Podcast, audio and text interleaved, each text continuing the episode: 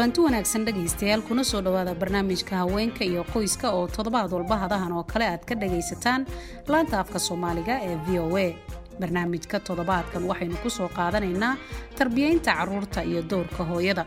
Waxaa igala qayb qaadanaysa fartuun maxamed cismaan oo ah macalimad islamarkaana u dhaqdhaqaaqda arrimaha qoyska ugu horey waxaan weydiiyey goormo ayay bilaabataa xilliga tarbiyaynta carruurta.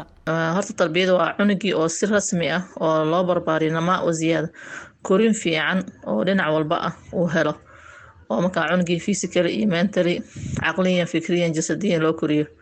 Marka hooyada doorka marka ilmaha ku leedahay sanawaatul uulaa min xayaati difli waa sanadaha u horreeya oo xul kaalin weyn ku leedahay. Waxaa laga rabaa nuugmadii cunuga markuu ifka yimaado kow nafsadeeda inay daryeesho caafimaadkeeda inay maxay hato ay ilaaliso wax kasta oo fakar iyo muru u keeni kara inay maskaxdeeda ka ilaaliso.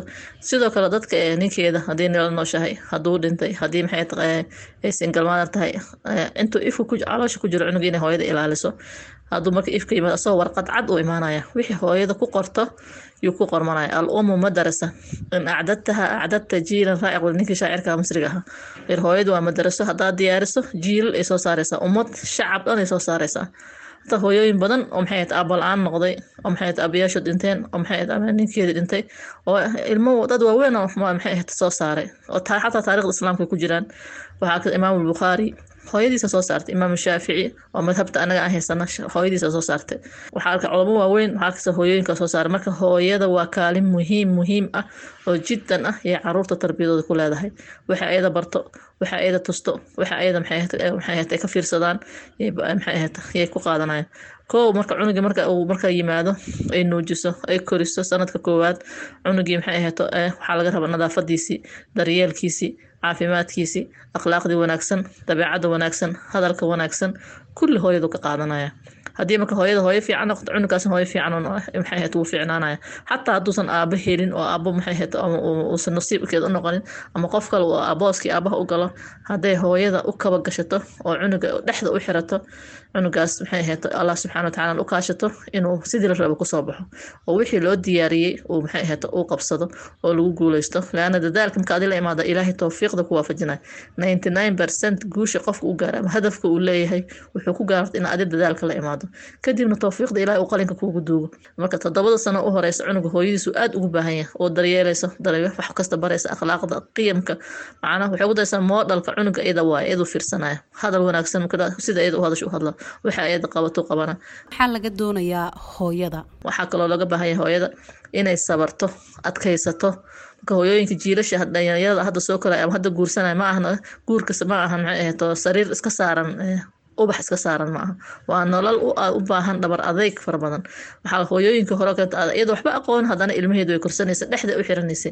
Inaa barataan gabdhaha dhalinyarada ah iyo jiilasha guurdoonka ah in hooyadu kaalin weyn ta bulshada muslimka ummad hadday hormarto hooyada xaggiisa ka hormarta. Hadday jabtana hooyada xaggeeda ka jabtay marka horumarka haddaa ninka waxay dhahaan waraa kula rajulin cadiima imraatun cadiima. Nin kasta oo weyn waxaa ka dambeysa qof dumara weyn. Yacni qof hooyo oo weyn soo saartay. Mushxaas inay tahay. Waxaa hooyadii aa soo saartay oo macno u yeeshay. Dhakhaatiirta waaweyn hada aragto culamo waaweyn hada aragto xaalkaas hadaa marka baarta taariikhdiisa fiiriso kaalin weyn waxaa kule qof dumara oo maxay ahayd qofkaas macno u yeeshay. Marka haweenka marka kaalin weyn ay kuleeyihiin kaasa sanadaha u horreeya cunuga iyo maxay ahayd sabarka carruurta kala duwanaanshaha carruurta hataa ilmahaada isku si inaa loo dhaqanta lama rabo. Mid waa jilicsan yahay mid waa fudfudud yahay mid waa taf oo maskax fuulu leeyahay mid waa maxay ahayd kulul yahay midba si mid kasta siduu yahay inaa ku wada rabo. Muqaaranada waxyaabaha ilmaha kala dilo waay comparisonka cunugan cunugan isku si uma samaysan. Ilaahay baa sameeyey waa kala duwan yihiin. Mid kasta inay hooyada fahantaa laga rabaa iyadana waxyaabaha hooyada laga rabo oo ah cunug marka caruurtaada badan yihiin inaad kala fahanto furuuqul fardiya siay u kala duwan yihiin. Mid kasta meesha ku haboon yahay. Xataa markaad diyaarinayso waxbarashada ama xirfad u sameynayso profession u sameynayso waxaa laga rabaa kan intuu ku haboon yahay. Maskaxdiis intay xamili kartaa.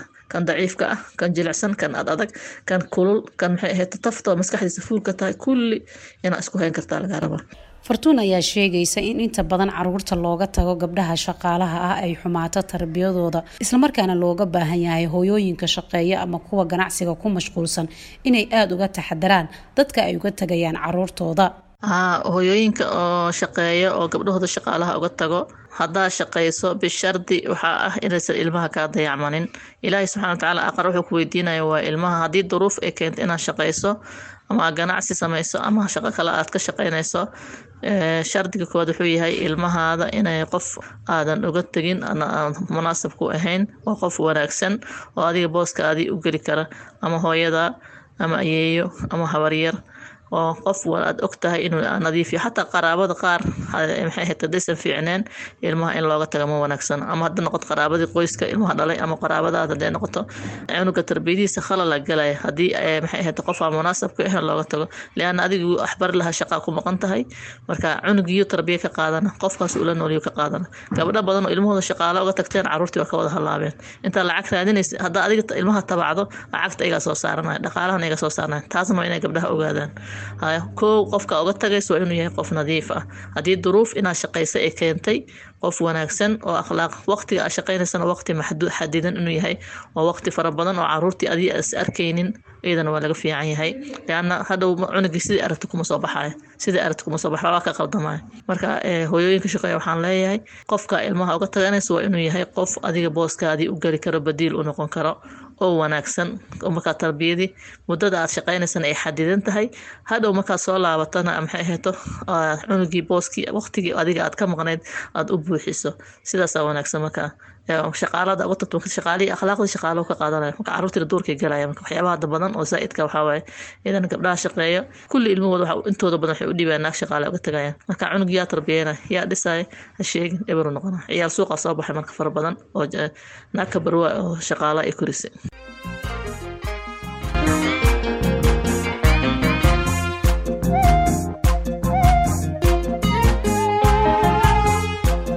intaasi ayaan ku soo gabagabeynayaa barnaamijkii haweenka iyo qoyska oo aad kala socoteen laanta afka soomaaliga ee v o a. Anigoo intisaar saalaxa ayaa barnaamijka idinla socodsiinayay. Intaan barnaamijka mid lamida ku kulmi doonno nabadgelyo